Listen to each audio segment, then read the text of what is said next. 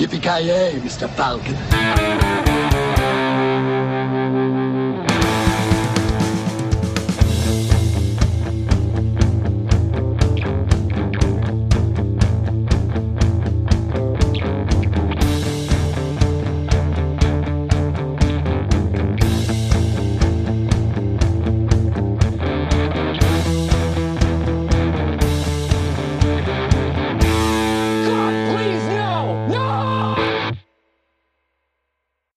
Jajamän, så gott folk. Hjärtligt välkomna till ännu ett avsnitt av Creative Meltdown Podcast. Och ni har med mig, Kalle. Avoya. Och eh, Kent. Ja, men jag tycker vi gör så här grabbar. Vi eh, kan dra lite så här korta tankar bara gällande filmåret överlag. Kan vi köra? Är ni med på det eller? Yes, men, eh, ja, men ärligt talat alltså, jag, jag tror nog fan det här är eh, året jag har kollat på minst film i hela mitt liv. Ärligt talat alltså.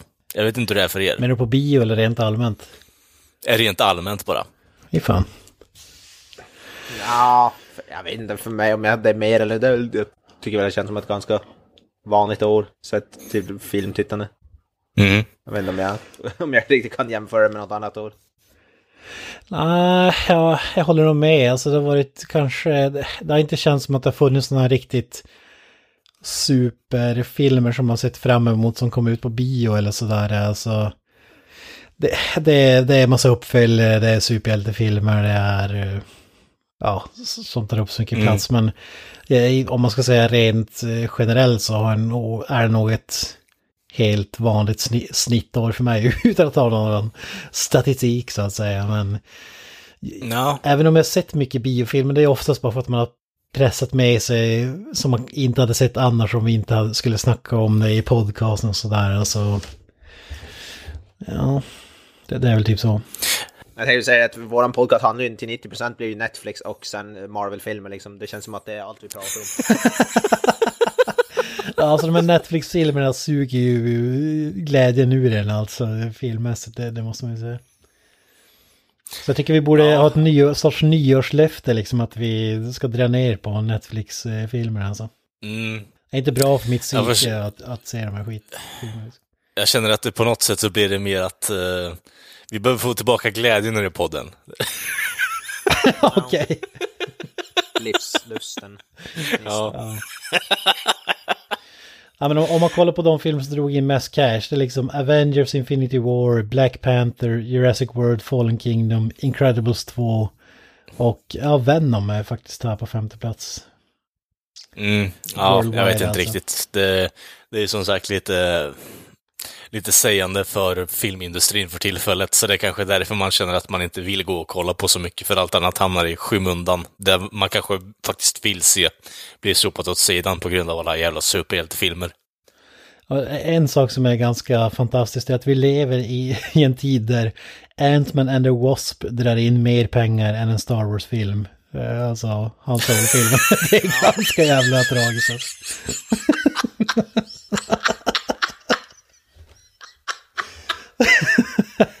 Det trodde man inte för eh, x antal år sedan så att säga. Ja, jag vill dö. Det är egentligen inte så konstigt. Det jävla Disney Marvel-filmer drar ju alltid in så kopiöst. Ja, för fan. Ja men Disney Ja. Star Wars har ju inte dragit in lite cash direkt. Nej, det får man väl inte säga. Det är väl egentligen det mest minnesvärda från året nästan att liksom Solo-filmen tog död på Disneys Star Wars-hype över...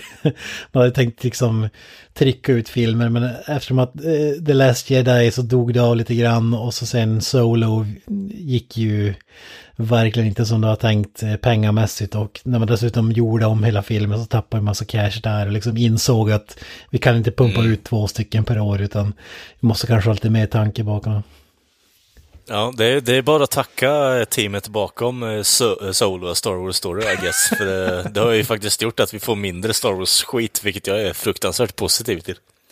Så, eh, ja, det är lite positiva grejer 2018 än så länge. Men jag, jag är väl kanske det största Star Wars-fanet här och inte ett superfan av de nya filmerna även om jag tycker att de är helt okej för vad de är. Jag, jag ser dem liksom, om man jämför med prequel-filmer till exempel så är det ju ändå positivt. Men alltså nu, nu börjar man ändå känna lite litet sug faktiskt. Alltså, jag, jag tror det är smart att vänta något år innan nästa istället för att bara pumpa ut dem. Alltså, det, jag, jag tror ändå att det finns, det finns, vad ska- marknad är fel ord, men det finns plats för, för Star Wars-filmer även på 2000-talet tycker jag. Ja, ja, absolut. Ja, det är väl ingen som säger nej till det, men, men eh, jag tror att, som du säger, det kan få lite mer eftertänksamma idéer istället kanske, så att man inte bara pumpar ut samma skit. Det är mer det jag tänker på. Ja, jag älskar ju Star Wars också. Eh, nu har jag, inte, jag har faktiskt sett Solo, men jag, jag är väl en av få... Jag och Kent gillade ju Last Jedi också. Jag, jag tycker faktiskt att Last Jedi var bättre än vad majoriteten tycker också. Mm. Så Alla, alla tre här gav de väl högt betyg. Ja, och den här Kalle i och för sig gillade väl den kanske också. Ja, vi tjatade ju sönder på Granström, Granström under det avsnittet också, så Ja, Granström gillade ju den inte. nej. Det, det var kanske ingen jättebra Star Wars-film, men jag tyckte att det var en bra film. Så. Ja. Jag har faktiskt inte... Solo måste jag ta och se, den har jag inte sett, men jag är sjukt sugen på Episod 9, se om JJ Abrams kan... Som, vad, vad han ska göra efter Last Jedi. Så. Släta Det ska överallt. bli jävligt... Ja, om man ska typ ignorera den, säga att det hela var så här en for, så här drug-induced så här, Ja, typ, grejer som... Force Dream liksom. ja, Luke Skywalker vaknar upp efter att ha haft en mardröm liksom. Ja, typ. så, nå, någon typ av retcon måste, måste de ju göra, alltså, för eftersom de, alla är ju så jävla förbannade på Last Jedi. Så någon typ av retcon måste de ju göra. Det, det blir som, det så blir som i så här, vad var det, Dallas eller något sånt som är känd för dröm. Yoda står i duschen Ja, och så går upp liksom. Och, Ja, fan, JR, it was all a dream liksom. Ja. Ja, jag vill ju att eh, JJ Abrams liksom i början på filmen kommer fram från en green screen och bara pekar finger åt publiken och sen går därifrån liksom och sen börjar eh, vanliga filmen. Det är det jag vill se. ja. Ja, det ska bli intressant. Ja, jag hoppas vi har lite mer 2019 bjuder på lite mer varierad kost så att säga. Det hade varit Mm. uppskattat. Jag känner att eh, om det inget annat så kommer jag börja söka efter lite nyare skit i alla fall, så att det inte bara blir det här med eh, superhjältefilmer och eh, Star Wars, för eh, jag börjar bli ganska trött på att prata om skiten. Om vi säger så. Ja, då är vi tre gissar jag. Yes. Fast vi har, året börjar ju med typ två, ja, två Marvel-filmer ganska snart in på året, så det är ju ingenting. Ska inte hoppas på för mycket. Både Captain Mm. Marvel och Avengers 3 kommer ju typ inom bara några månad, någon månad efter varandra. Ja, eh, jag kommer bara se en eh, sån film till och sen så är jag klar med skiten Jocke, om vi säger så. Jag skulle vilja säga samma sak, men jag kommer se alla. Jag har sett alla och kommer förmodligen se alla som kommer ut. Mm.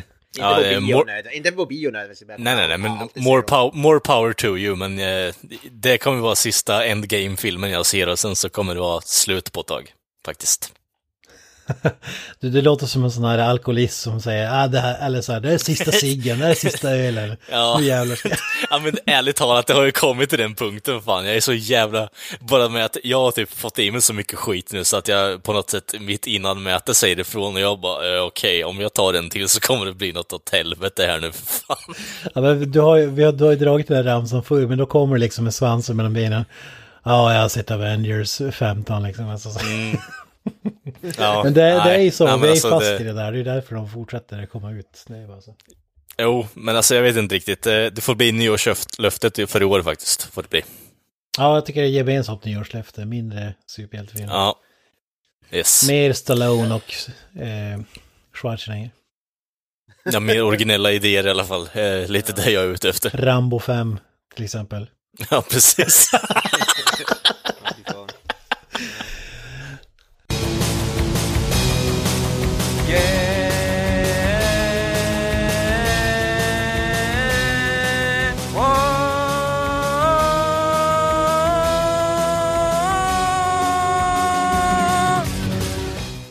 Ah, ja, men ska, ska vi hoppa in lite på årskrönikan då?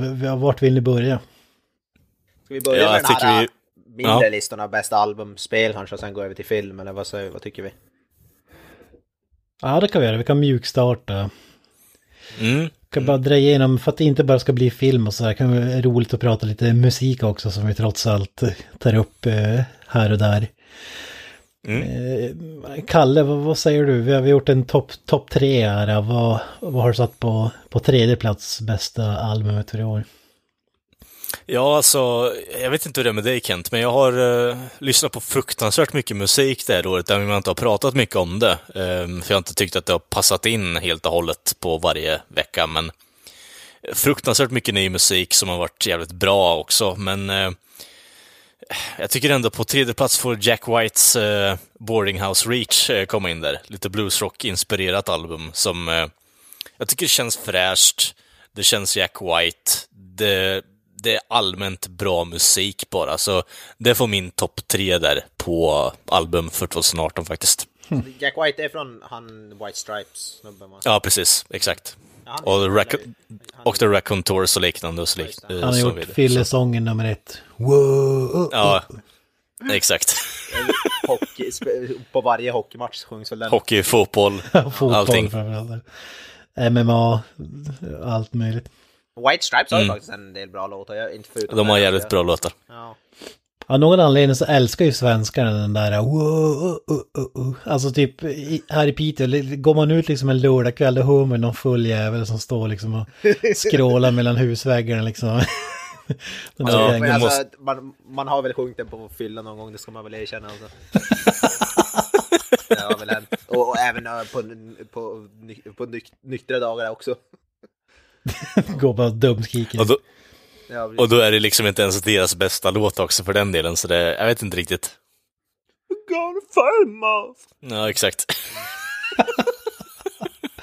Nej, men eh, hans, eh, hans eh, soloalbum 2018 får min tredje plats i alla fall. Hur är det med Kent? Ja, jag har ju... Det beror på hur... Får man slänga in en live-platta eller är det bara studioalbum? Vad, vad säger ni? Jag har... Nej, men det tycker jag nog, tycker jag. Han kom ut Alltså, 2018, det är ju- tycker jag väl ja. räknas. Ja, jag har ju... Imperial State Electric har gjort en live-skiva. Och det är ju eh, Nicke Andersson och från Helicopters bland annat. Nya band så att säga. Som jag tycker är rikt, riktigt jävla bra. Man brukar ju säga att det är typ världens mest underskattade rockband och jag kan väl inte annat än hålla med. Eh, de hade ju en skiva som heter Anywhere Loud.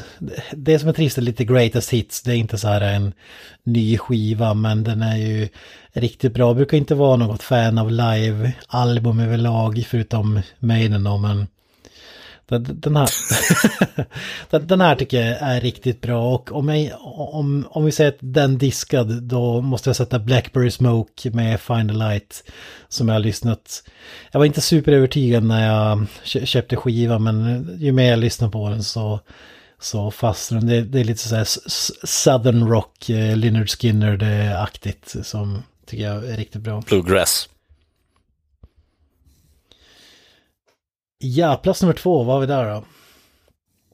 Yes, ja men, eh, ja återigen, det har ju varit jävligt mycket musik, jävligt mycket bra musik som har släppts i år. Ehm, så jag vet inte riktigt, min lista blir, halvt som halvt här. Ehm, men eh, jag sätter eh, Slaves med Acts of Fear and Love på plats två där. Ehm, Hybridpunkskiva från ett av mina nya, nyare, mer favorit hardcore-band, eh, punkmässigt från eh, United Kingdom.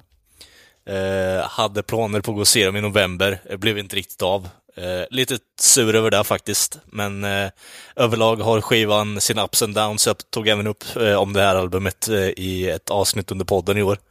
Och eh, hade då, ja, jag tog upp den här diskussionen gällande att eh, skivor är på något sätt, eh, att man hittar en bättre mix på en skiva. Att eh, ordningen på låtarna har lite mer eh, in, alltså spelar större roll än vad man tror ibland också. Och eh, kom ju då på en slump, efter att jag inte riktigt tyckte om skivan i början, så slumpade ju eh, uppspelningen av det och fick där i stort sett den perfekta mixningen som jag kunde vilja ha. Eh, så ett, ett album som växte på mig i slutändan och eh, jag faktiskt lyssnar på fortfarande idag. Så eh, plats nummer två. Fan. Jag dunkar in ännu ett svenskt band. Eh, Hardcore Superstar. You can't kill my rock'n'roll. Ja, då petade just ner E-Type från. Kommer upp, kommer upp. Ja, men vi gick ju, vi, för vi pratade lite innan här, vi gick igenom så här Spotify där man spelat mest och trots att den här skivan kom ut ganska sent på året så, så är det den skivan som jag har spelat mest enligt Spotify och den är ju riktigt jäkla bra alltså. Kan, inte bandets eh, bästa skiva på något sätt men jag tycker ändå att det är lite return to form. Det finns tre låtar som jag tycker är otroligt jäkla bra som Electric Rider och The Others är mina två favoritspår. Hard Rock Superstar är ju hårdrocksband eller sleaze rockband från Göteborg som... Ja, det är fantastiskt. Det är ett band där de liksom bältar som det kallas, likt eh, ACDC och så vidare, den typen av skrik, skrikrock som jag diggar så att säga. Precis så låter det. Ja. ja, men det är jag som, jag brukar vara vikarie för sångaren i Hardcore Super, Superstar. Nice. Jag tycker det lät som ACDC faktiskt. ja, det är jag, som, jag ska ta över Axel Rose. Jag menar, du skulle göra ett bättre jobb än Axel Rose, så jag vet inte riktigt. Han gör väl inget dåligt jobb egentligen, eller? Gör han Ah, jag whatever, vi det. behöver inte snacka om Axel Rose. Plats nummer ett. Där har vi, där har vi snack. Plats nummer ett, Kalle. Ehm, ja, Skivan 2018. den skivan som faktiskt har imponerat mig mest under året eh, är ju en skiva vi även har snackat väldigt gott om och tagit upp podden också. Eh, ja, det är faktiskt. Firepower. The Firepower med Judas Priest. Den har gått på repeat eh, året runt. Jag skulle vilja säga att eh, på ett sätt är det den skivan som gjort mig mest imponerad över att en eh, 60 plus gubbe kan få upp rösten på det pass, eh, på den höjden. Kan hålla det eh, tempot och eh, kvaliteten under så många år. Jag har ju gått tillbaka till deras diskografi och lyssnat från början och eh, sett att i större delar av alla skivor så har hans röst, bara som Granström så perfekt sa det i ett av avsnitten vi pratade om skivan, egentligen att hans röst har på något sätt mognat mer. Och eh, det är helt enkelt den perfekta metalalbumet för året, så definitivt att det är Judas Priests eh, Firepower som tar min första plats här.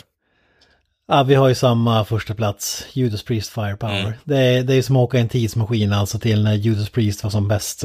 och ja, det, är, det är så otroligt bara för att det är så imponerande. Det, det är inte den skivan jag har spelat mest, men fy, fyra låtar har jag spelat som satan som jag ty tycker är riktigt bra. Och som du säger, resten, det känns verkligen som att den utvecklas snarare än ha, att den förfaller som det brukar vara med, med den här typen av sånger. Och Rob Halford är ju fantastisk får man säga. Riktigt otroligt kul att, att man liksom levererar samma musik. Alltså så, som det hade kunnat vara en Judas Priest-platta på typ 80-talet. Alltså så jäkla häftig är den alltså. Ja, absolut. Jag tycker ändå att på något sätt så, jag vet inte riktigt, det är svårt att säga, men alltså, han är ju the metal god, så det får man äntligen inte att säga faktiskt. Han, eh, han har hållit upp det ryktet i eh, typ 30 år nu, så det är kudos. Bruce Dickinson, eller vad sa du? Nej, eh, han, är, han är en klass för sig, men eh, jag tycker att Rob Halford är ändå på något sätt, det, han tog priset det här året, om vi säger så. Alltså att Judas Priest gör en, våran favoritskiva 2018 är ganska jävla otroligt alltså. Det måste man ju säga. Ja. Hade man inte ja, trott faktiskt. för 20 år sedan.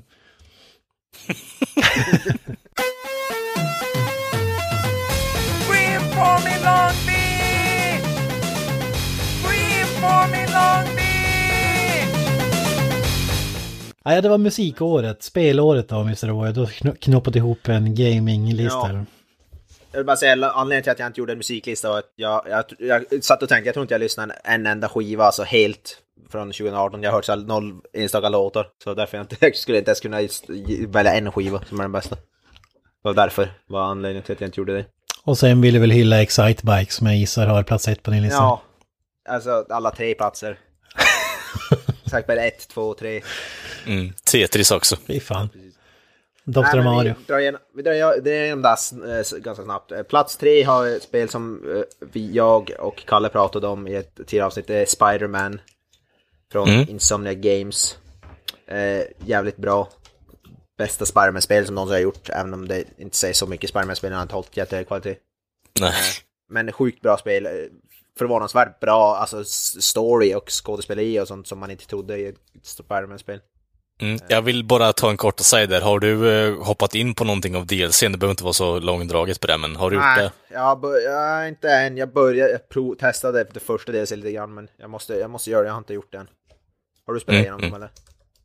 Nej, det såg nedsatt, men jag har inte tagit tummen ur så att säga. Jag sitter fast med Red Dead än så länge. Ja, nej jag, jag, jag vill ta... Dels ska ju vara lite underwhelming har jag hört, så jag har inte su varit supersugen. Men, men hu- huvudspelet är ju Mm. sjukt bra. Och ja, Absolut. det, det är ju aldrig ro, varit roligare att svinga sig omkring i ett eh, fiktionellt New York liksom. Så där, Nej, plats tre. Plats två, eh, ja, Kalle nämnde det spelet nu, Red Dead Redemption 2. Eh, eh, på plats två. Jag har inte klarat ut det, jag är bara, jag är bara alltså, typ 40% in i spelet eller någonstans, men jag fortfarande, alltså, det är fortfarande, alltså, ja, 10 av 10 spel för mig är det, måste jag ändå säga. Och då är jag ändå inte ens klarat ut hälften av det. Det är det perfekta cowboy-spelet, i alla fall det, kanske det perfekta open world-spelet, liksom. Eh, sjukt, sjukt bra. Eh, ja, eh, mer välskrivet än majoriteten av, av filmerna som kommer ut. Alltså, det, den här storyn hade kunnat, man, alltså, den, den hade kunnat utklassa en, en vilken story som helst i alltså en Hollywoodfilm. Det hade varit en genuint bra film som hade kunnat toppa filmlistan här faktiskt. Ja, och skådespelarna, ingen, ingen namn som man känner igen nå, nästan någonstans, men alla skådespelare känns alltså genuint, alltså, alltså de är helt perfekta i sina roller alla. Det finns ingen Mm. som gör en dålig prestation i spelet. Och ja, men det är ett spel som kostar typ två miljarder, miljarder kronor att utveckla, så förväntar Mm. sig en hel del. Ja, precis. Eh, så det är plats två. Eh, plats ett, bästa spelet i år, då valde jag God of War faktiskt. Okej. Eh, Jag tyckte, jag, det tycker jag för mig är det bästa spelet faktiskt. Det, det, alltså det, det, det är en story som är i klass med det bästa som finns oavsett media alltså. Det, hade, det- hade, hade det kunnat vinna en Oscar så hade det här spelet, spelet hade vunnit Oscar för bästa alltså story. Så, så pass bra Fy fan. Och så skådespeleri i samma där, alltså det är, det är på den nivån. Det är, det är också ett 10 av 10 spel. Det är, det är genuint mästerligt på alla, alla sätt. Är handlingen lika djup som i Ice Climber eller? Nej, inte, inte riktigt. Ah, Jag skulle säga Ice Climber är strået vassare. Mm. Du, du, får, du, du får ju inte klättra upp för något isberg med, med, en, med en, någon som ser ut som, ja, som ser ut som typ, vad heter det? Var han från South Park med huva på sig, höll jag på att säga. Kenny. Kenny. Kenny, Kenny heter han, ja, precis. Så, Eskimo. så bra kanske inte är, men det är nästan. Gött. Är det något spel du Ja, saknar, vi fått- Kalle, på listan eller?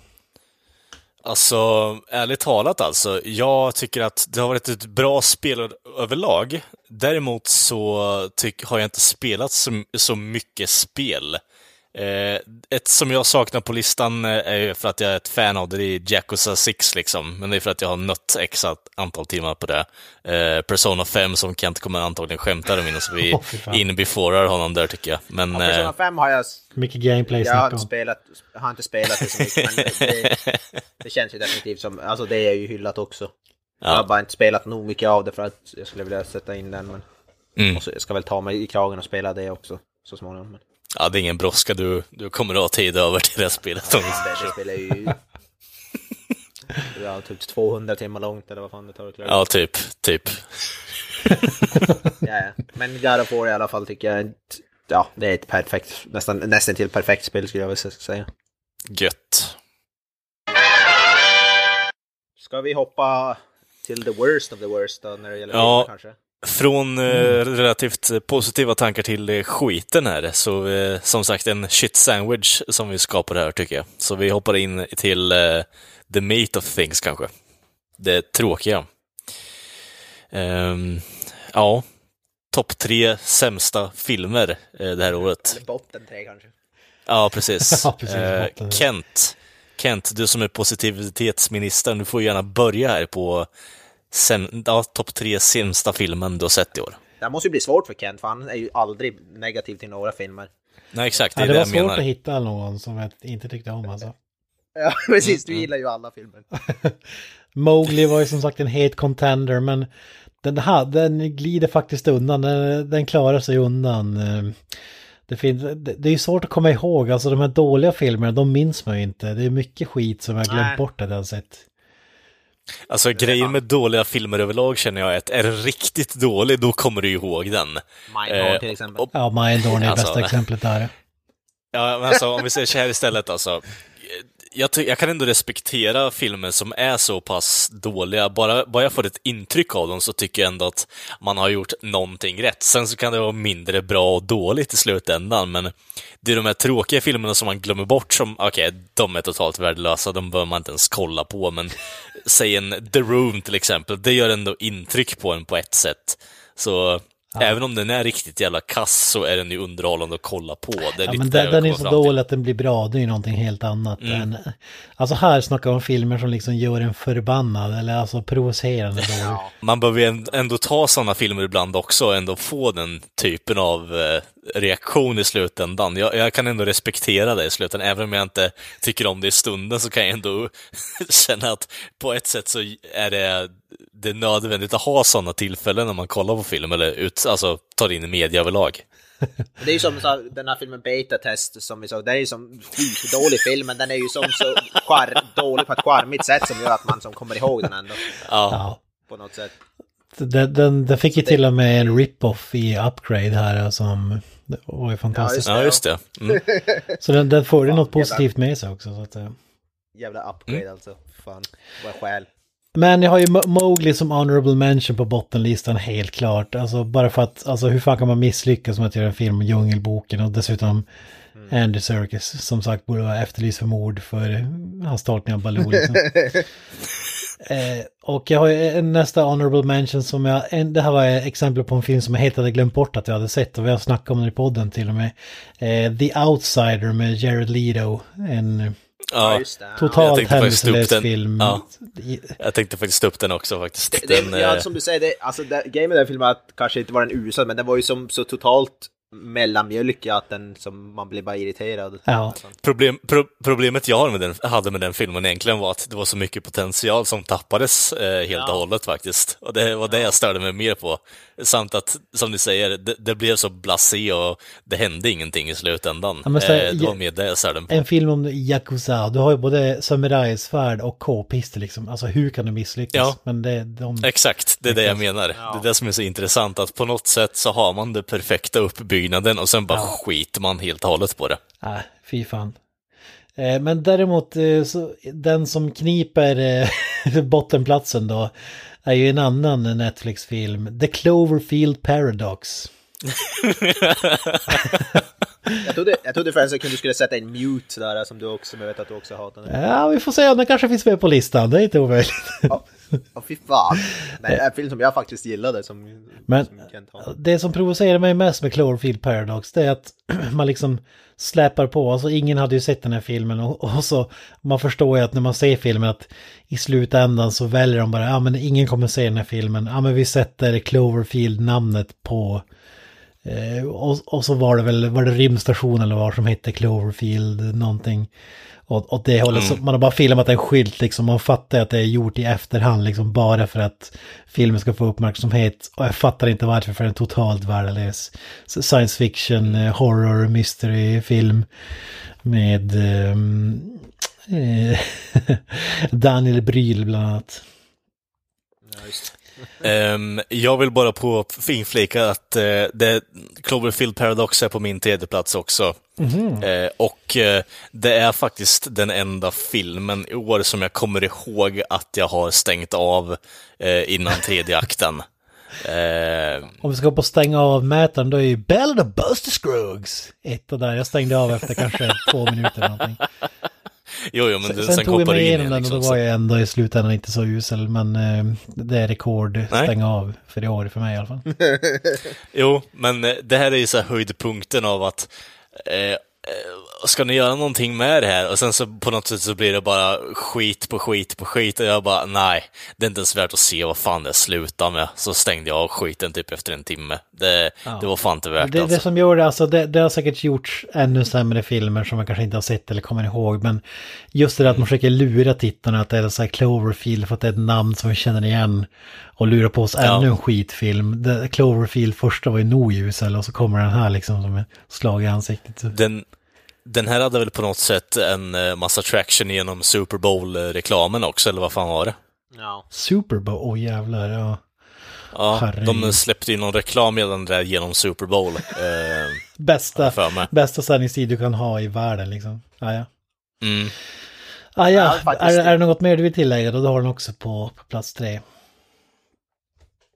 Alltså, egentligen inte. Alltså, det, det är mer bara som du säger, på något sätt bygga vidare på ett redan etablerat mm, varumärke och sen bara skita på det helt och hållet för att, ja, vad jag misstänker är, eh, jag tar upp det väldigt ofta, men eh, typ tax write-off. Det är där den här filmen känns som och jag tycker att det är så jävla tråkigt faktiskt i slutändan. Ja. Att det är så många filmer då som känns som att allting är fucking tax write-off. Alltså för mig är det den där filmen, jag har inte med den på min lista, men jag har den för, i alla fall som en sån här bubblare. Den är Mm. så här, meh. Jag gillar ju faktiskt, jag, speciellt andra Cloverfield-filmen tycker jag är riktigt bra, den här med John Goodman. Den är ju faktiskt bra. Ja, ja, det kan jag hålla med om. Det kan jag köpa. Första är helt, tycker jag är helt okej, men den här är, den, ja, den var ju verkligen, försökte göra någon typ av alien-kopia som misslyckades ganska grovt. Season of the Witch-grejen också. Ja. jag, på, på min tredje plats är jag faktiskt eh, filmen som vi pratade om sist, jag har Mowgli på tre, plats tre. Och den, jag, alltså först när jag såg den så tänkte jag, ja, det är en medioker film, men ju mer jag tänker på den, ju sämre blir den i mitt huvud. Ja. Alltså, så den sjönk från fem till fyra, nu kanske jag skulle sätta en trea på den. Och så, jag, jag tycker bara den blir sämre och sämre ju mer jag tänker på den. Ja, du, alltså jag skulle korrigera, jag ändrar det. Min trea är fan Mowgli alltså. Ja, den är... Om man vill höra varför så lyssna på förra avsnittet. Eller vad blir det? Förra, förra alltså, den är... Och som sagt, det är ju som med den budgeten och skådespelarna som man har, har och ändå är Andy Serkis med och oavsett vad man tycker om den så är han ju rutinerad och, Ja. och sådär. Och att man så lyckades så dåligt med så, det, de förutsättningarna, det är ändå ganska Det är en imponerande. bedrift i sig alltså. Mm. Ja, vi... s- ja. Ska vi lägga på en liten rem här? Plats två, vad har vi där? Eh, där har jag satt eh, The Polka King med eh, Jack Black, eh, ännu en det, Netflix-film. Ännu en film jag glömt bort eh, jag sett. Ja, jag hade glömt Ja. det helt och hållet också. Eh, alltså, intressant idé och återigen sån här med, eh, ja, based on a true story, liksom, filmer. Eh, det blir lite väl mycket. Speciellt när, eh, jag vet inte riktigt hur jag ska förklara med den. Vi, vi gick in ganska djupt på det eh, i avsnittet vi snackade om den här filmen på, eh, ganska tidigt på året. Men jag tycker ändå på något sätt så, den sticker ut, Jack Black kommer inte till sin fulla rätt. Eh, Jason Schwartzman liksom, det är så här hangaround bara, alla känns... Eh, det känns inte som att man har tänkt till på något originellt sätt, utan man bara berättar historien rakt upp och ner och tar lite friheter med den. Eh, man hade kunnat göra så mycket annat kul med den här filmen, men den kommer inte till sin fulla rätt och på, på ett sätt så tycker jag ändå att Jack Black kommer ut som en förstörd människa ur den här härvan och jag tycker det är jävligt tråkigt att se en sån person som är en så pass positiv bli nedslagen på det här sättet. Jag tycker inte det är... Jag, ty, jag tycker inte det är... Jag vet inte riktigt vad jag ska förklara. Det är en Nej. riktigt jävla sunken film bara. Det där är en sån här film som är så, inte så usel så att jag kommer ihåg den, men så pass mellan, alltså att den bara helt glöms bort. Ja. Verkligen sådär. Mm. ja, den den är inte i närheten av de sämsta, men det var ju liksom... Man har ju glömt den, så det säger väl allt. Ja. Ja. Vad har Kent på sin näst sämsta? Här kommer en Mute, som du nämnde innan. Fan, du har mute alltså. Duncan Jones, eh, Trainwreck med eh, Alexander Skarsgård bland annat, Paul Rudd och Justin Theroux. Jag vet inte vad jag ska säga om det här, liksom en, en stum bartender som ska slåss med gangsters och det blir bara pannkaka av alltihop. Det är pedofili och allt vad fan det nu var i. Ja, Alltså, android, jag- androider och... Ja, Jag var ju mer positiv till den här filmen än du jag, jag är lite av en guilty pleasure för jag vet, vet ju att det inte är en så speciellt välgjord film. Det är lite mer så här guilty pleasure för min del. Så jag kan ju definitivt se varför man inte gillar den. Även om jag inte... även om jag gillar den mer än kan de flesta kanske. det är det som man försökte göra också, skapa en värld som ser ut som Blade Runner genom att använda liksom eh, specialeffekter för 10 kronor ungefär. Ja, det, Alltså, Ja, jag, satt jag jag hade gav den här alltså- 1,5 i betyg. eh, Gick jag tillbaka och kollade. Så, så det måste ju hamna på plats två här. Gav du den så jävla lågt? Ja, jajamän. Jag tror fan jag gav den så här fem eller sex eller någonting tror jag. Jag kommer inte ihåg. Pinsamt. Alltså överlag så tycker jag ändå på något sätt, jag vet inte hur ni känner hela grabbar, men 2018 har riktigt varit det här året med Cyberpunk, när det har spritt ut utav bara helvete igen. Det är någonting ni håller med eller? Absolut. Ja, förra året var ju lite, men då hade vi Blade Runner. Jo, jo, men, 49. jo, precis, men sen så kom ju efterhänget av det in på 2018 i alla fall. Det var ju rätt svårt för den filmen var ju så jävla bra så det är svårt att alla filmer som kommer efter kommer ju jämföras med den så det blir ju...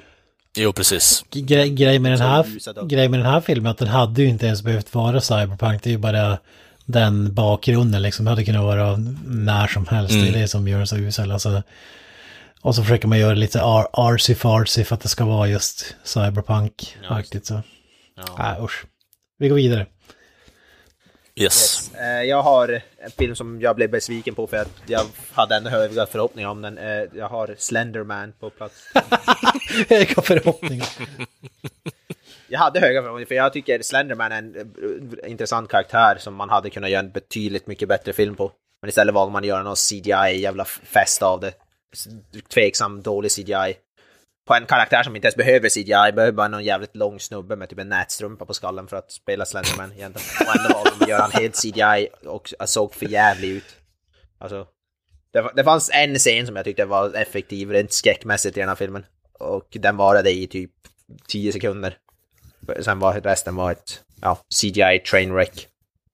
Så ja, jag står bara Slenderman där. Det är inte en speciellt bra film. Det var den som blev sönderklippt också, eller hur? Det skulle inte förvåna mig. Nej. Det är ju en film jag inte har sett än i alla fall. Nej, det behöver du inte göra heller. Nej. Du får spara dig själv. Det, är alltså, det, det är ni- 90 minuter du inte kommer få tillbaka. Mm. Så ja, det är en riktigt tveksam skräckfilm. Eller ja, tveksam, det är inget tveksamhet om den, den är bara dålig. Så ska inte bli som långdragna där. Eh, ska vi hoppa tillbaka till Kalle, vad är sämsta film? Ja, för sig, jag misstänker att vi alla tre har den samma film på plats ett, men... Ja, jag, jag, jag kommer in before det här igen eh, för er att säga att uh, sämsta filmen 2018 är inte Mindhorn, utan det är Va? Open House. Är det. Nej, men kommer jag sluta, sluta skämta, det är Mindhorn. I år också. Eh, tro inte så högt om Mindhorn, för det är inte lika dåligt som Open House faktiskt. Jag ser bara Open House, alltså hellre än Mindhorn alla dagar i veckan. Ja, då Jag tycker, också- ni, jag, ty- jag tycker ni har en eh, fruktansvärt psykisk störning som ni borde kolla upp efter det här avsnittet faktiskt. Det borde, det borde fan vara du som gör det för att du tycker om skitfilmen Mindhorn. Alltså det, man kan ju inte vara annat än hjärndöd om man liksom gillar den. Alltså. Alltså om man säger att man hellre kollar på Open House 75 000 gånger istället för att se på Mindhorn, då har man fan psykiska problem. Allvarligt talat alltså. Ja, Jag ser, jag ser hellre Open House, alltså jag ser den fram, framlänges och baklänges. Fem- Ni är fan, ja, ni, Det ni skulle nog är fan vara helt... bättre baklänges tror jag. Du kan göra en sån här klippversion av klippet så spelar den. Ja. Men vi Ja, alltså, har det alla ha- Open House på. Ja, självklart. Jag tror- Open ja, House givet. absolut. Det var ju på något sätt den filmen som bröt hela året för min del känns det som. Alltså, jag tror inte jag har blivit en samma sen jag såg den skitfilmen. Ja, det är sant. faktiskt. Alltså, man knäcktes ju psykiskt liksom. Alltså, jag, jag sa det när vi hade pratat om den filmen, att jag ställde mig bara upp och skrek rakt ut när den slutade. Alltså, det är absolut sämsta film, slutet i en film som någonsin kommer göras. Alltså, det finns ingen som kan toppa det och ha så uselt slut som, det, som den här filmen. Och, och för att inte tala om filmen i övrigt som bara är provocerande usel. Ja, Alltså filmen är i princip 90 minuter, de går och kollar, vad är det de får fel på sin varmvattenberedare i källaren och så går de och fixar Ja. den sönder och sen går de och, går de och fixar den. Och sen så, så repeat typ. Vad, vad handlar Open House Sen om? är mördaren har de som, som heter det, filmat så att man ser aldrig ansiktet på honom för att det är någon typ av suddig effekt varje gång han är i fokus. Så, ja. Det är som de vill skapa mystik som, men man bryr sig inte. Fan, jag bryr mig inte vem mördaren är. Alltså är det är en skräckfilm, klassiskt där Who Did It.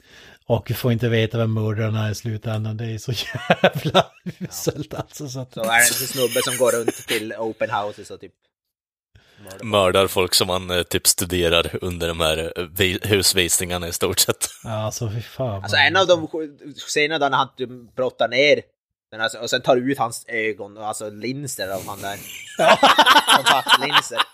Man trodde såhär, nu ska han gröpa ur ögonen på honom, men han bara tar bort linserna och sen går han som iväg. Alltså, ja, ja. Den nivån. Ja, det, han, måste ju vara, han måste ju fan vara optiker alltså, för det är inte lätt att peta loss en lins på, ens på sig själv skulle jag vilja säga. Och dessutom göra det på en annan person. Mitt ute i skogen och håller på att brottas med någon. Alltså det, ja fy fan. Och, det, och sen var det sl- tragiskt, han var då han typ, han kan inte se någonting så han vandrar runt och sen fryser han typ, där snubben fryser ihjäl i skogen typ i slutet.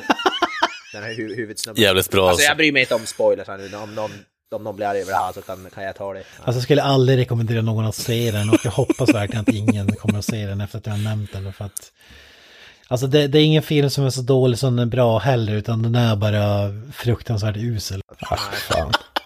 Hur kan man få pengar till att göra en sån här film? Jag, jag förstår inte det verkligen. Alltså, Ja, men det, här är det här är definitionen av your green lit egentligen, ärligt talat ja, alltså. det är fan mig. Men som sagt, får man valet mellan den här och Mindhorn så ser fortfarande den här. Ja, absolut.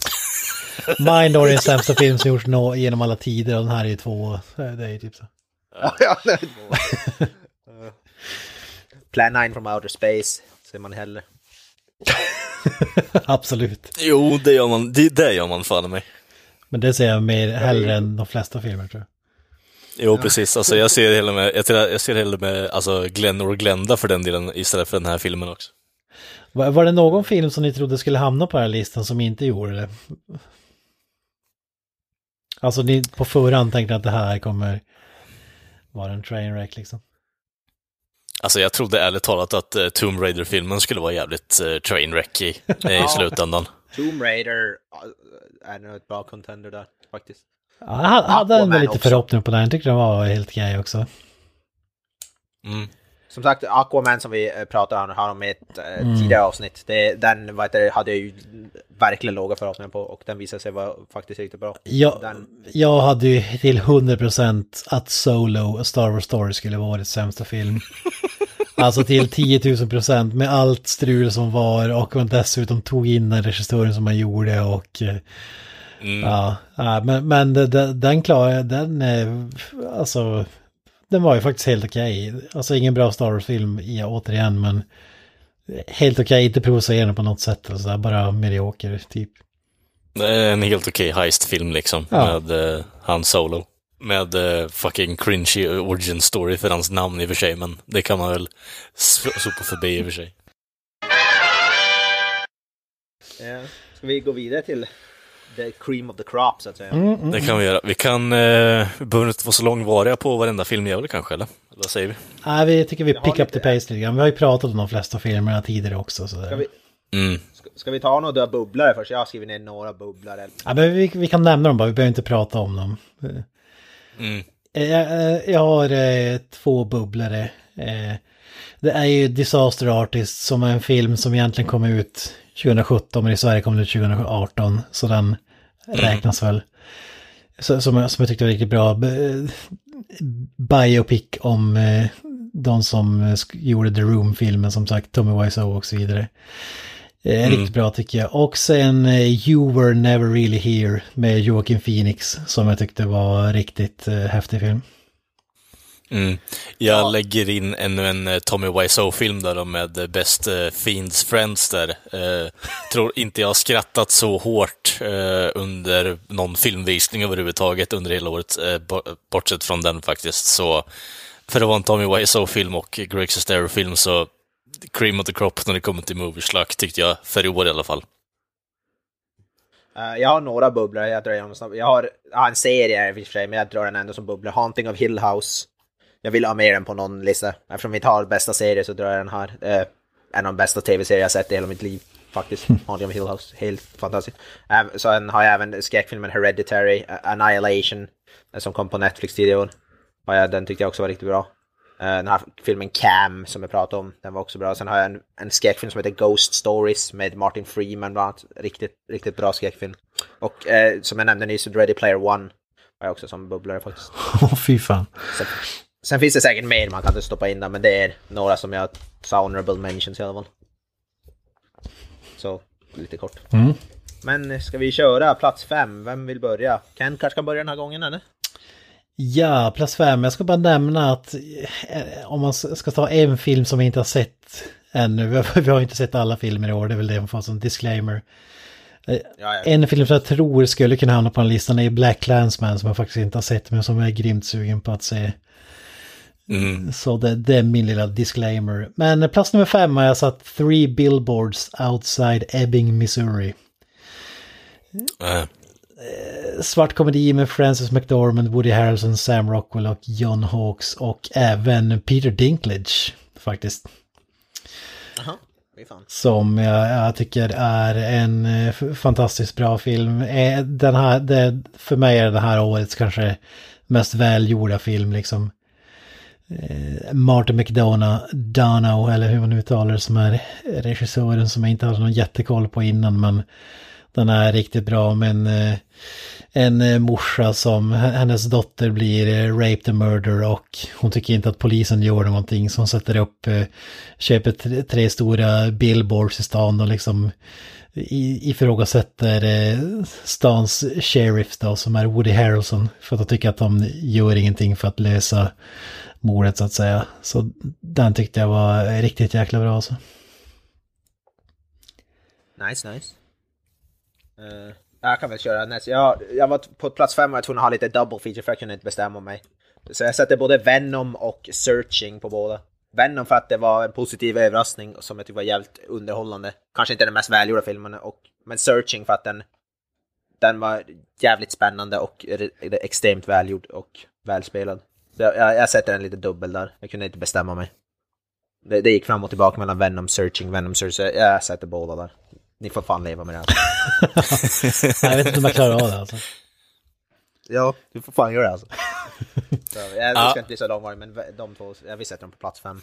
Är, Mm, ja, men eh, så här, jag gör en liten okonventionell grej i den här egentligen med listsättningen. Jag tog upp det lite innan här, att eh, jag har inte fått intrycket att jag har kollat på så jävla mycket film i år, men eh, jag har haft några guldpunkter här som jag känner ändå jag vill plocka fram. Så utan turordningar har jag tagit fram fyra filmer som jag faktiskt har, und- har blivit underhållen och tyckt väldigt mycket om i år i alla fall. Och eh, på, första, eh, på fjärde platsen där, jag har tagit fyra filmer här i alla fall, så har jag tagit Annihilation, för jag tyckte faktiskt att eh, från trailern så såg det jävligt ostigt och dåligt ut, men jag tyckte faktiskt genuint att det var en underhållande film. Eh, och för att vara Netflix tycker jag ändå på att ett sätt att eh, det förtjänar att lyftas upp lite, de guldpunkterna de har ibland också. Och jag tycker verkligen Annihilation, för att vara en science fiction-film där på, på den plattformen, att det var faktiskt en jävligt bra film i slutändan också. nice, nice. Ska vi hoppa, hoppa raskt vidare till plats fyra, Kent? Eh, jag har jag satt en comedy drama romance film faktiskt. Eh, Love Simon heter den.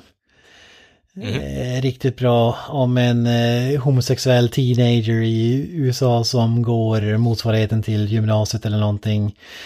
Och han, han har inte kommit ur garderoben, inte berättat för sina vänner eller sin familj så att han är homosexuell ännu och eh, ja, brottas med det och eh, kommer en liten eh, twist då att han blir, det visar sig att på, på ett sånt här allmänt forum för skolan så är det en kille som anonymt kommer ut och berättar att han också är homosexuell. Så han tänker, åh fan, det finns en till som jag. Och han kontaktar honom och de har anonym mailkontakt mellan varandra utan att veta vem den andra personen är. Och fall, falls in love på det sättet. Och eh, den eh, twist, den, det är lite komedibit också som, som jag tycker är riktigt bra. Där det är en kille som snappar upp då och eh, de här mail, kommer över de här mailen av en slump och eh, pressar den här killen då att ja men du gör som jag säger annars berättar jag för hela skolan att du är eh, gay alltså. Så, så heter det, och han, han väljer då att liksom svika sina vänner på olika sätt och Eh, Ja, bara för att liksom undanhålla det här. Så en riktigt bra film och det är en sån där som man blir berörd, både man skrattar åt den, inte grinar kanske men det, det är Eller? mycket, mycket känslor i den och jag, jag tycker att den är riktigt bra. Årets mest positiva överraskning måste jag säga. Eh, plats fyra för mig stoppade jag den gamle off, The Office-räven, John Krasinskis film A Quiet Place. Har jag på plats n- nummer four. Som jag, ja, är fruktansvärt bra film faktiskt. Och ja, en sån här som man sitter på nålar genom, jävligt välgjord rent ljudmässigt också eftersom den knappt har något ljud. Alla som kommunicerar med teckenspråk så att säga. Vilket jag tyckte fungerade väldigt väl. Eh, den jobbar väldigt mycket med, den använder tystnad och ljudeffekter på ett jävligt snyggt sätt. Som väldigt få, som jag sett väldigt få filmer göra. Och eh, John Krasinski är jävligt bra i, i den här Alltså, min, jag har som ingen erfarenhet av John Krasinski sen tidigare, inte sett The Office. Eh, men tyckte han var riktigt bra och även Emily Blunt, hans fru även i real life och i den här filmen, hon är också riktigt bra. Så en riktigt nailbiter och fruktansvärt bra film. Och vi sätter Quiet Place på nummer fyra. Ja, jag tycker också om den här. Det är liksom en modern version av Hotet från underjorden, eller Tremors som det heter på engelska. Ja, just det. Ja. Lite samma ja, premiss. Det är lite roligt så här, det är först Jordan Peele som gjorde Get Out, så här, komikerbakgrund, så kommer John Krasinski också komikerbakgrund och så och gör du, skräckfilm och båda är så här, alltså svinbra. Det är lite, har någon ny trend på gång. Typ. Säg lite om genren i sig kanske, jag vet inte. Ja. Möjligt. Nåväl. Vad har Mr. Nilsson på plats fyra? Uh, ja, jag som sagt ingen specifik uh, ordning på de här, men uh, fyra filmer som jag har valt att höja upp lite. Så den tredje filmen jag har att höja upp här lite är då A Futile and a Stupid Gesture, Eh, som finns på Netflix också, eller fanns. Jag har inte koll på om den finns kvar längre eller inte, men den kom i år i alla fall och eh, handlar lite om Doug Kenny som har eh, varit en av the founding members för National Lampoon.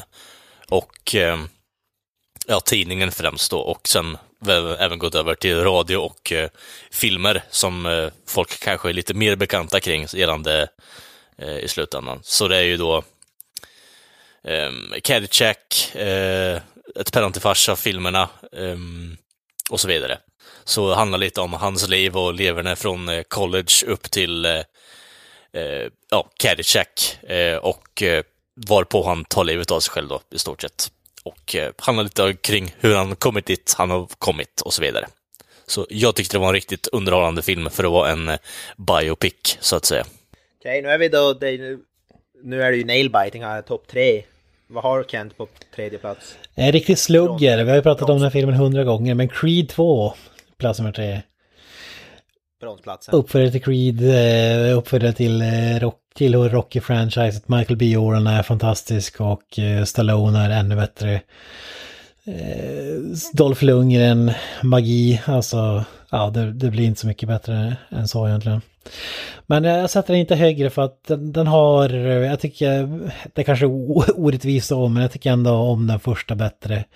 I, I den här kanske man relaterar till karaktärerna mer, men överlag så tycker jag det är synd att de blev lite av av en soft reboot av Rocky 4, mag, även om det är en magisk film och sådär så tycker jag det var lite mer snyggare i den första som hade mer toppar och, och den här lite mera, den är jämn och stabil men den, den har inte så stora eh, jag tycker den är fantastiskt bra men den har inga så här jättetoppar eller känslostunder som man får i ettan tycker jag. Så därför blir det plats tre. Nice, nice. Eh, uh, Ja, på plats det är en film som jag tror att ni har satt högre än mig. Men för mig blir det en tredje plats. Det är superhyllade filmer från början av ett eh, Guillermo del Toros eh, Shape of Water. Uh. På tredjeplatsen för, för min del. Och ja, vi hyllar, vi behöver inte säga så mycket om den, vi, det sa vi alltid i det avsnittet liksom. Det är ju en, det är ju en magisk film alltså. Den, den förtjänar att vara med på listan oavsett om den nu är på första, andra, tredje, fjärde, femte, men den ska ju vara med på listan.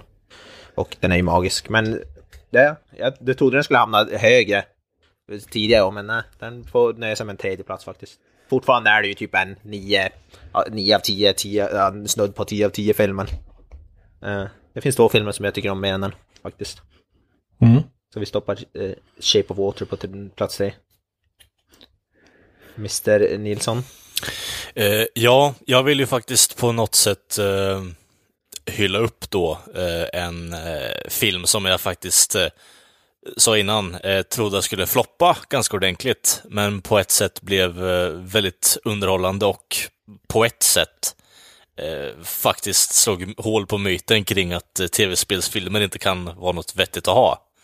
Eh, så min tredje plats, eh, plats får faktiskt Tomb Raider i det här fallet, för jag tycker ändå att det är bra actionfilmer, det är bra dramaturgi i vissa scener, eh, det behövs inte säga så mycket för att eh, förklara vad som händer och vad som tycks och tänks.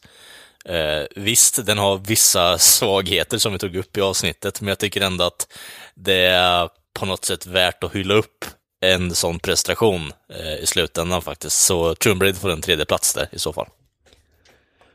Slam. Fy fan, så högt upp alltså. Intressant, intressant. Ja, det... ja. Underhållande i alla fall, som matinéfilm. Skulle jag vilja säga. Ja, Ja, precis. ja jag, jag, tyck, jag tyckte om den. Det var ju kanske... Ja, det, det, man får nog säga att, man, att den var bättre än man hade förväntat sig. Det hade ju kunnat bli kat, katastrof så att säga. Men jag, jag håller med, jag tycker att de gjorde det på ett bra sätt. Yes. Yes. vi kan det vara en bra Lara Croft också. Riktigt bra. Mm. mm. Nu är det jävligt spännande Kent. Vad har du på plats två? Är det Mindhorn? Eh, var det sämsta listan? Har jag missuppfattat någonting? Nej, det här är ju en film som, det, det här är min bästa, bio, min bästa bioupplevelse på 20 år eller någonting. Jag tror jag vet vad som Eh, Jag kan, inte, jag kan inte rekommendera den och det är inte för att det är den mest välgjorda filmen, den har sina brister och jag är medveten om det, men det spelar ingen roll för jag älskar den och det är givetvis The Predator. Sh- Shane Blacks eh, masterpiece. Alltså, Du är ganska ensam om att gilla den filmen verkar som. Jag har läst lite. ja, ja, det är nog många som har den på den andra listan så att säga. ja, precis. Men det är bara köpta kritiker som, vet, som, som inte har en egen röst. Det här, är- vi, vi går ju... Vad, det, vad sa Granström om? Det avsnittet var inte jag med i, så vad, vad sa Granström om den filmen? Han var inte lika lyrisk. Han satte väl Han sex eller sju skrattar av Kent rakt i tio. ansiktet. Sex eller, han sa sex eller sju av tio om jag minns rätt, så det var inte uselt. Men Aha. den, är, den är ju inte så usel om man ska vara liksom rent eh, objektiv. Vi har ju förkärlek till franchiset och eh, våld och eh, gillar ju movie så att säga. Så det här är ju right up my alley. Det, det är ungefär som att jag gått, om man ska dra någon så här eh, metafor, att jag gått och törstat i tio år efter, efter en bra biofilm i öknen och utan vatten och helt plötsligt står Shane Black där med liksom en en eh, superoas med full bar liksom och serverar drinkar på, på löpande band. Ungefär så kändes det liksom. Det, det, man, man behövde ju verkligen den här filmen alltså. Saknar man inte, eh, vad heter det, Schwarzenegger då? Och vad heter han? Carl Weathers eller vad heter han? Ja, alltså... Ja och nej. Alltså... Det, det, det var ju tänkt att eh, Arnold skulle ha en cameo i slutet eh, och eh, referera till en viss ikonisk line som jag tror alla, alla kan gissa, men det blev ju inte så. Men jag tycker inte att den, den, den känns ändå så pass...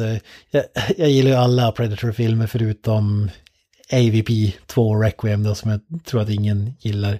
Och framförallt ingen har sett för att den är så jävla mörk.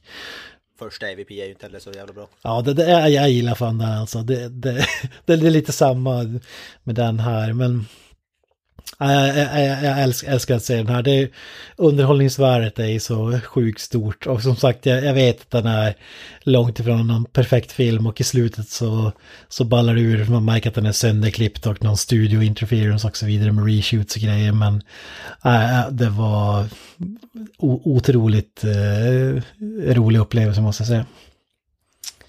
Jag har faktiskt inte eh, sett denna Predator, men originalet är ju en av de bästa actionfilmerna som har gjorts kanske. Så. Den har ju mycket att leva upp till. Ja, det här är ju någonting helt annat. Det, det, det kan man ju kortfattat säga. Det, det är ju, om, om man, man ska ju inte förvänta sig att se liksom Schwarzenegger Predator, då, då är man ju fel ute utan... Shane Black gillar jag ju faktiskt, han, han är en hyfsat bra regissör. Gjorde ju dock Iron Man 3 som inte var något topp, men han har gjort en film som heter Kiss Kiss Bang Bang som är riktigt bra faktiskt. Den är fan jävligt bra faktiskt. Jag tycker Nice Guys är helt okej också. Jag tillhör ju faktiskt de som inte hatar Iron Man 3. Alltså, Nej, jag gillar delar av den. ja precis, det är samma för mig också. Slutet, slutet kraschade. Han har ju, han, han har ju skrivit dialog också som, hör hem, som inte hör hemma på 2000-talet och, och det älskar man ju med. Ja, men ja, det är ju exakt. Han är ju bra på det, det kommer jag ihåg från den här bland annat Kiss Kiss Bang Bang. Han har ju som väldigt så här rapp, snabb dialog. Ja. Som catchy, one, mycket one-liners och så. Han har skrivit, han har ju skrivit ganska hyfsade manus ändå, alltså. Eh, Long Kiss Goodnight också med allas vår favorit Ja, eh, Sam, Sam Jackson och så vidare. Men, och framförallt eh, Predator då, de liksom erbjöd honom en roll i filmen mot att han kom och skrev Ja just det, han är med som skådis också. Ja. att han kom och skrev, skrev om eh, lite dialog. Så Spelar inte han den här nördiga snubben med glasögon typ? I, i, ja, som har en extremt eh, icke-PK-humor liksom. Som Ja just det. osar lite av det i den här filmen också. ja, jag måste kolla in den där ändå. Mm. Den och, eh, ja Halloween har jag inte, nya Halloween. Det är två sådana filmer från i år som jag ville se, som jag inte har sett. Ja, ja den. Disclaimer.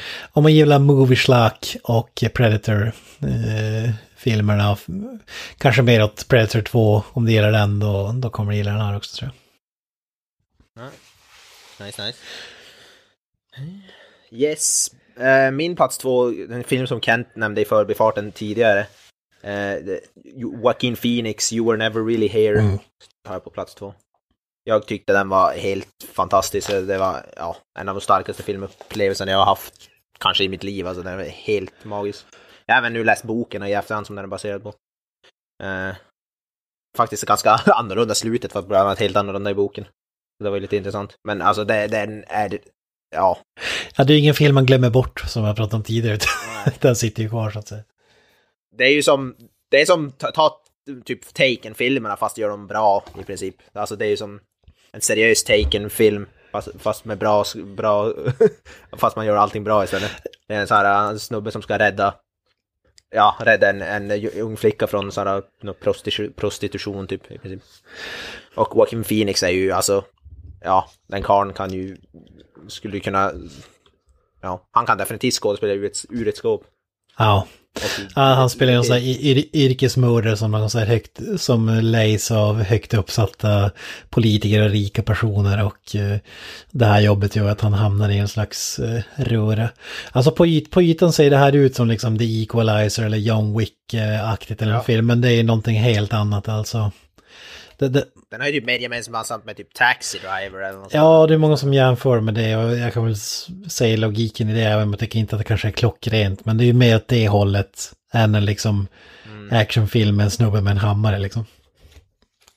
Alltså, bland scenen där när han är i, när han ska hämta kännare, alltså när han, man får se allt filmat ur en uh, så här säkerhetskamera, det är en av de ja, av mina favoritscener på hela året alltså. Det är en sån här film som faktiskt är så här perfekt längd. Ja, det är väldigt, det är ofta en film är ja, antingen för kort eller för lång, men det här är så att den slutar exakt där den borde sluta. Den är inte en sekund för lång. Eh, tycker jag också var positiv. Den blev inte utdragen. Och den blev även en, heller, kändes heller inte för kort, den kändes perfekt. Så ja, alltså det är nära, det är nära på så här 10 av 10 film för mig. Jag, jag måste se, jag har bara sett den en gång så jag måste se om den, men den är helt, helt fantastisk. Ja, jag håller med. Det, det var väldigt nära att jag satte in den på listan, men den... Just att den inte kom med så att säga. Men den, den är ju riktigt, riktigt bra. Och en helt annan film än vad man tror att det är så att säga.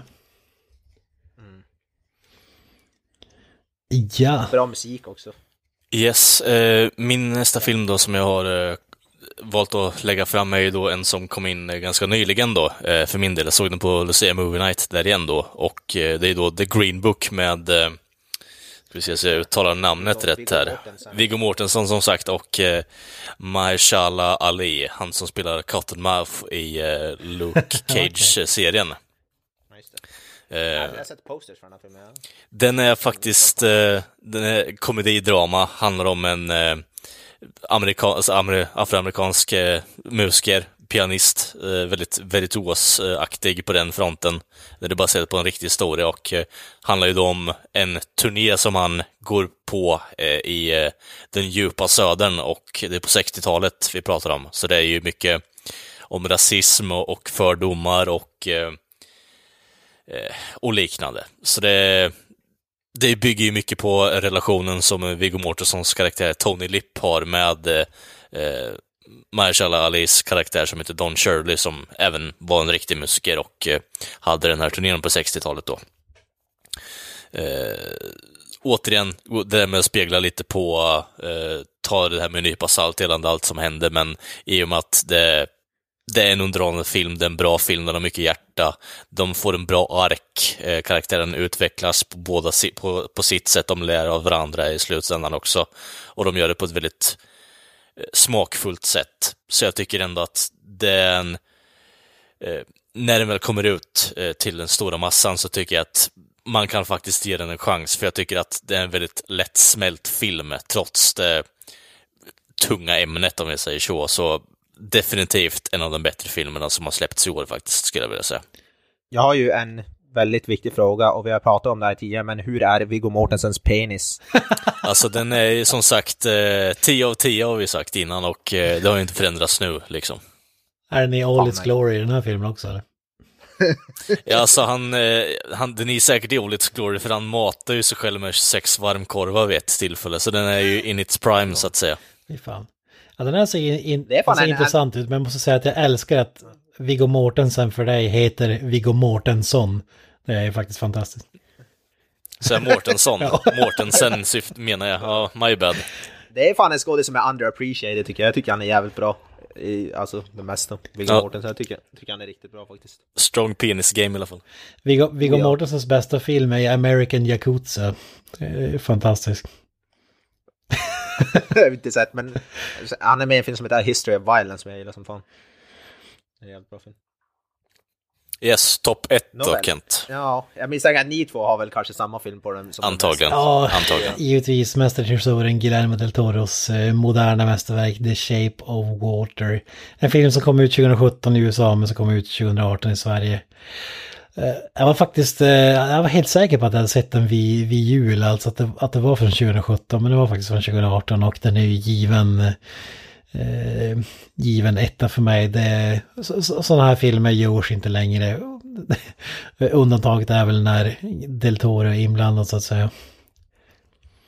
Det är bara Del Toro som kan göra en, en kärleksfilm så pass intressant och bra. Jag hatar ju kärleksfilmer i övrigt, alltså romantiska, romantiska dramer och sådär. Det är ju min hatgenre.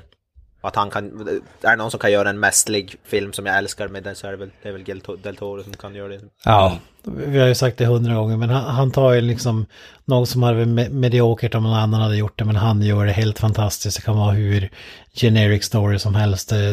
Han, ja, han, han, vet vad han gör helt enkelt. Skådespelarna är Sally Hawkins, Michael Shannon, Richard Jenkins och, och Octavia Spencer och framförallt Doug Jones, Del Tores lilla gullegris som alltid får dra på sig en gummidräkt i, i varenda film. Oh. Liksom. Kung Doug. Jag tänkte, måste säga, jag tänkte säga Richard Jenkins är ju en av årets bästa skådespelarinsatser tycker jag nästan också. Jag tycker han är väl bäst i filmen. En, ja, jag, jag, jag har aldrig sett honom så bra som han är i den här i alla fall. Ja, han, han imponerade som fan. Jag, tro, jag, jag trodde det. Jag hade ju som ingen koll på honom innan heller. Jag blev jävligt imponerad av honom. Mm. Ja, men det är samma för mig, så uh, jag vet inte riktigt. Vi har nog snackat uh, hål i folks uh, öron hela den där på avsnittet, som jag tycker ändå folk kan ta och lyssna på i så fall. Så det, jag har ingenting att tillägga, för det är min topp ett också i det här fallet. Och min topp ett kommer nog inte som någon surprise för någon. Det är en film som jag hyllar sönder. Det är såklart Upgrade på plats ett. Det mm. finns ingen, ingen annan film för mig. Det är en av de coolaste och märk, mest märkvärdiga filmerna som jag har sett i hela mitt liv. Alltså den, den är, den är, helt, den är mästerlig på alla sätt. Mm. Ja, jag hade det lite på känn i och med när vi kollade på trainer och liknande. Det, den, jag fick det intrycket. Det är bara skönt att de släpper den på Blu-ray nu till året faktiskt. Ja, kom ut i Sverige i januari faktiskt. Jag har ägt den på Blu-ray från en US amerikansk utgåva ett tag, men när jag ja, det är en, alltså det är en så... Alltså det, när det kommer till story och sånt där, det är inte den mest originella storyn, men den är all, alla små delar som gör den så, och som, som gör den till en så bra som den är och den är så jävla cool. Den är så badass och har de kanske coolaste fighting-scenerna jag har sett i en film. Eh, ja, nästan någonsin. Det, det, det är ja, jag vet inte hur, vad, kan inte säga nog om den här filmen och eh, Tom Hardys tvilling Logan Marshall Green är jävligt, jä, är jävligt bra i huvudrollen. Eh, den är heller inte no, alltså det är inte det är inte som, det är inte PG-13, den är våldsam och så inåt helvete. Alltså det är grovt våld i den här filmen. Det är blodigt och det är skallar som sprängs och klivs på mitten och fan hans moster. Eh, och man pulling of punches. Och slutet är även det, alltså Slut är ju svårt att få till, men det här, slu, det här det är inte ett slut som fick mig irriterad eller något sånt där. Det är ett riktigt bra slut och ett, alltså, ja, den, ja, den kan, för, i mina ögon hade den inte kunnat sluta bättre. Och den, i sin genre och, och som den film den vill vara så tycker jag den är nästintill perfekt. Och ja, Lee Wanell som typ bara gjort så-filmer innan. Alltså han skriver manus till typ alla så-filmer nästan. Han har gjort bara skräckfilmer. Så kommer han ut med den här filmen som är helt annorlunda. Som en blandning mellan Blade Runner och... Inte fan vet jag, Brain Dead typ. Betatest. ja, det är alltså det är en, det är en om Betatest hade varit en mästerlig film så hade det, är den ju upgrade. det är en, ja, ja det är alltså den, jag kan inte säga nog om den här filmen. Har man, har, har man inte sett den här filmen så ja, då har man gjort sig själv en oförtjänst så det. Ja, det är en film som jag inte har sett än heller, men det är ju något man ser fram emot att se om lever upp till. Du har hypat upp den så in i HV alltså. Mm. Jag älskar den här filmen. Uh, något så djävulskt. Så det, det är top notch så att säga. Den får fem toasters. Fy fan. Ja, fy fan. Mm. Av tio eller? Ja. Fem möjliga. Ja. Nej, Stabil men- lista, li, lite variation. inte bara blockbuster-filmer, det är ju positivt. absolut. Och det jag känner på min lista, att fan att man inte ser mer, eh, alltså independent-hållet, alltså typ eh, upgrade-aktiga filmer liksom som förmodligen är hundra gånger bättre än all blockbuster-skit som finns där ute. Ja. ja, det är jävligt tråkigt. Men som sagt, nyårslöftet. Ja, Ja. Det var ju lite roligt, det var ju lite ändå som mindre budgetfilmer på våra listor. Ingen, alltså Shape of Water, den är ju inte, alltså det är ingen så här, Nej, det är ju ingen blockbuster i den meningen. Nej. Och typ Quiet Place som jag sa, den är ju inte heller, den är ju ganska gjord på ganska liten budget. You were never really here, det är ju för fan, den är typ gjord på ett priset av ett McDonalds-mål. Som, ja, Venom är väl hyfsat, men Searching som jag sa, den är ju också en liten budgetfilm liksom. Och den där som du sa, Love Simon, den är väl också gjord på typ, att köpa en eh, Hubba Bubba tuggummi för det priset den är. Jag vet inte vad det är för budget, men jag kan väl tänka mig att det är något åt det hållet. Ja, så det var ju lite intressant att det var inte... Förra året var det väl lite mer, då hade vi vad då, ni hade Dunkirk, jag hade Blade Runner 2049 och så vidare. Mm. Ja, Det var lite mer hö hög budget då kanske. känns som att fjolåret var snäppet eh, bättre klass på faktiskt, måste jag säga. Ja, överlag. Det känns som man får gräva som fan det här året faktiskt. Det är det. Det, som sagt, det här året var ju mer lite så här mindre filmer, vilket jag tycker är roligt. Mm. Som. Ja, är. Så är det. Fan, den, alltså Upgrade är ju för fan, det är ju en svin, små, smal, liten film. Jag vill lägga in disclaimer, jag har inte sett Escape Plan 2 än. Ska, ska vi se den i veckan här. Ja, precis. Ja, topp ett Ja, den liksom. hade kunnat komma in på sämsta filmlistan. Nej, topp top ett. Mästerverk. Ja, det- Sen har ju inte- den här Lady Gaga-filmen har jag inte sett, Star is Born, men den ska ju tydligen vara jävligt bra också. Min, Mm. min, eh, min tjejen min hon har sett den typ tre gånger på bio redan. Fan. Ja, mu- musiken är ju catchy i alla fall. ja.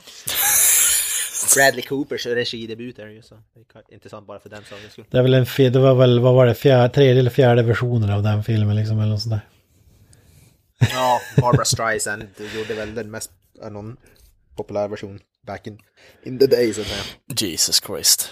Ja, men eh, that was the year I guess. Uh, Och dra det här året i säcken helt enkelt. Får väl göra det, så får vi blicka framåt på det nya året istället. Så, ja, jag tycker vi skippar det med sociala medier. Ni har koll på det, jag orkar inte dra det nu, det är lite sent här. Eh, så vi tar bara avslutande ord helt enkelt. Har ni något grabbar eller? Eh, up the irons och eh, gott nytt eh, år, får man säga. Mm. Ja. Peace och, eh, ja, vi syns väl typ någon gång eller något. Ja, Gott nytt år på er och eh, ta det lugnt där ute så hörs vi nästa gång. Adios! That's it, man. Game over, man. It's game